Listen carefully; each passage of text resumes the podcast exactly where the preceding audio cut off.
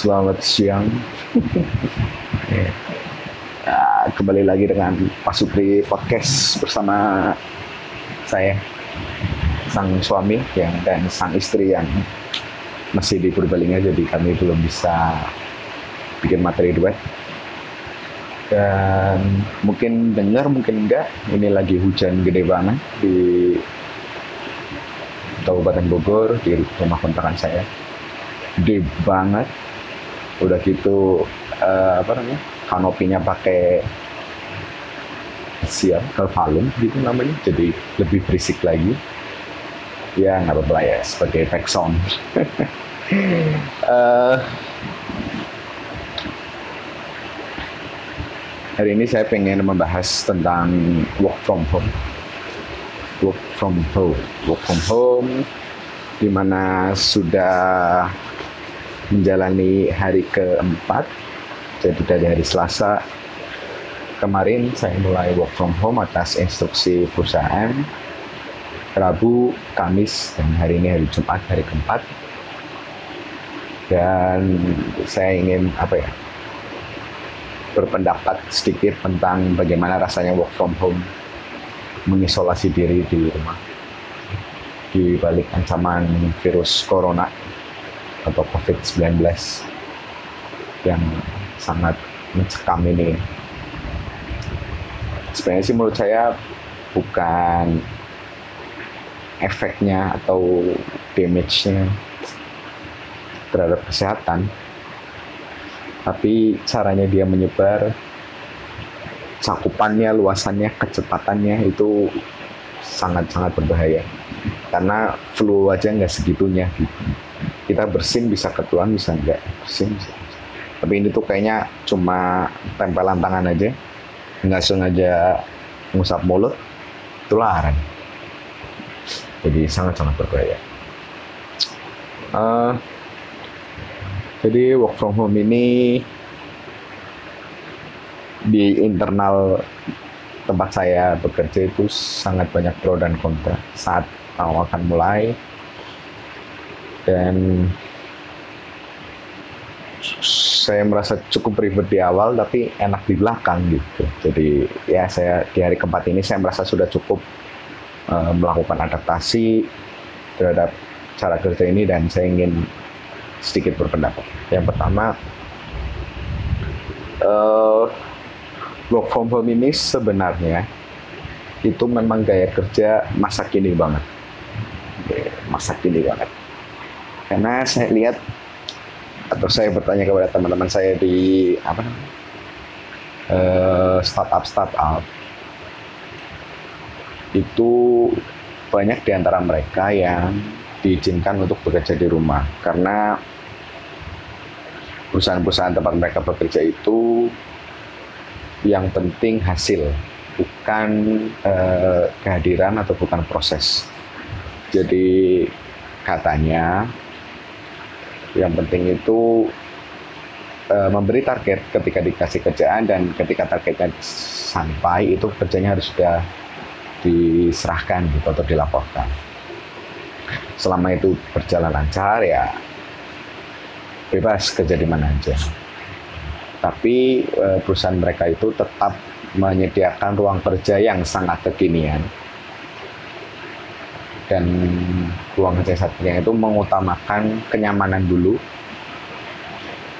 Kenyamanan bagi karyawan fasilitas hiburan. Karena sebenarnya eh, tingkat pekerjaan atau tingkat kesulitannya itu lebih tinggi daripada eh, jenis pekerjaan orang-orang pada umum maksudnya ketika sama-sama di titik yang sama untuk perusahaan-perusahaan lain bisa jadi di perusahaan mereka itu kerjanya sedikit lebih tinggi. Jadi perusahaan memberikan kompensasi dan tanda kutip dengan memberikan fasilitas hiburan atau kenyamanan kepada karyawan di kantor jika ingin kerja di situ. Eh kalau di rumah tetap boleh, karena teman saya ada yang bisa sampai kerja di tiga perusahaan di waktu yang bersamaan dan tidak ada satupun yang kantor. Yang penting ketika deadline mengirimkan hasil kerjanya, ketika harus video conference ya dia bisa konfirmasi bisa. Itu yang pertama. Jadi eh, bagi karyawan-karyawan korporat semi jadul seperti saya ini cukup mengagetkan di awal. Karena memang sangat ribet sekali dan kami sudah terbiasa bekerja dengan interaksi koordinasi langsung. Uh, jadi ketika ini cukup ribet ya kami harus ketik-ketik WA ketik-ketik Microsoft Teams menunggu jawaban tektok. Kadang kita baca chat itu uh, beda persepsi jadi itu cukup ribet di awal dan sangat membosankan ya biasa berinteraksi langsung dengan teman-teman rekan kerja satu kantor bercanda. Kali ini benar-benar sepi. Kebetulan saya juga keluarga nggak ada di sini jadi sepi banget. Sangat bosan. Di dua hari pertama itu sampai saya sampai video call sama rekan kerja saya saya bilang kayaknya saya mau nginep di situ aja lah bareng di kosan. Karena ini benar-benar bosan banget parah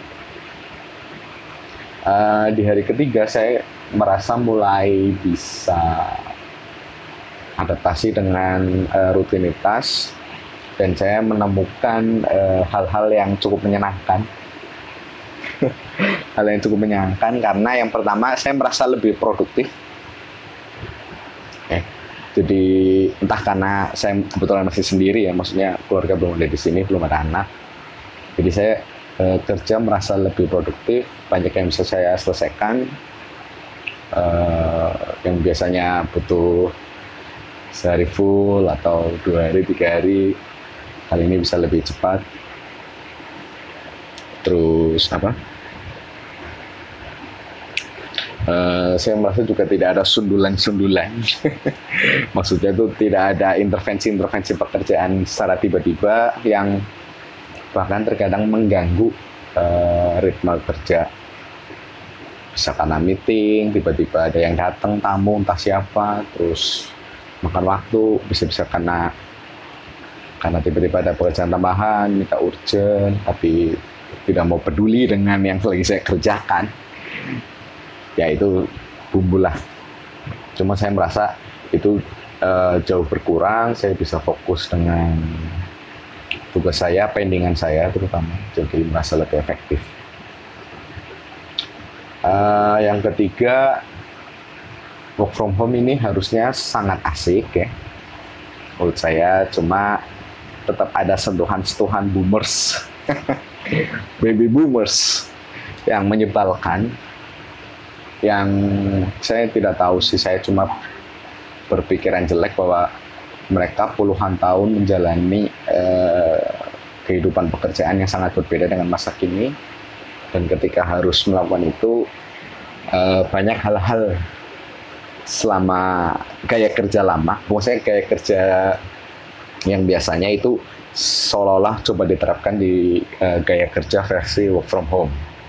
Misalnya absen, laporan tiap pagi harus vikon, terus apa ya. Uh,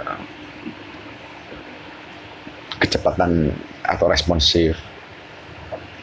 Kan kadang-kadang ya emang lagi ngerjain gitu. Jadi ya cuma hal-hal itu yang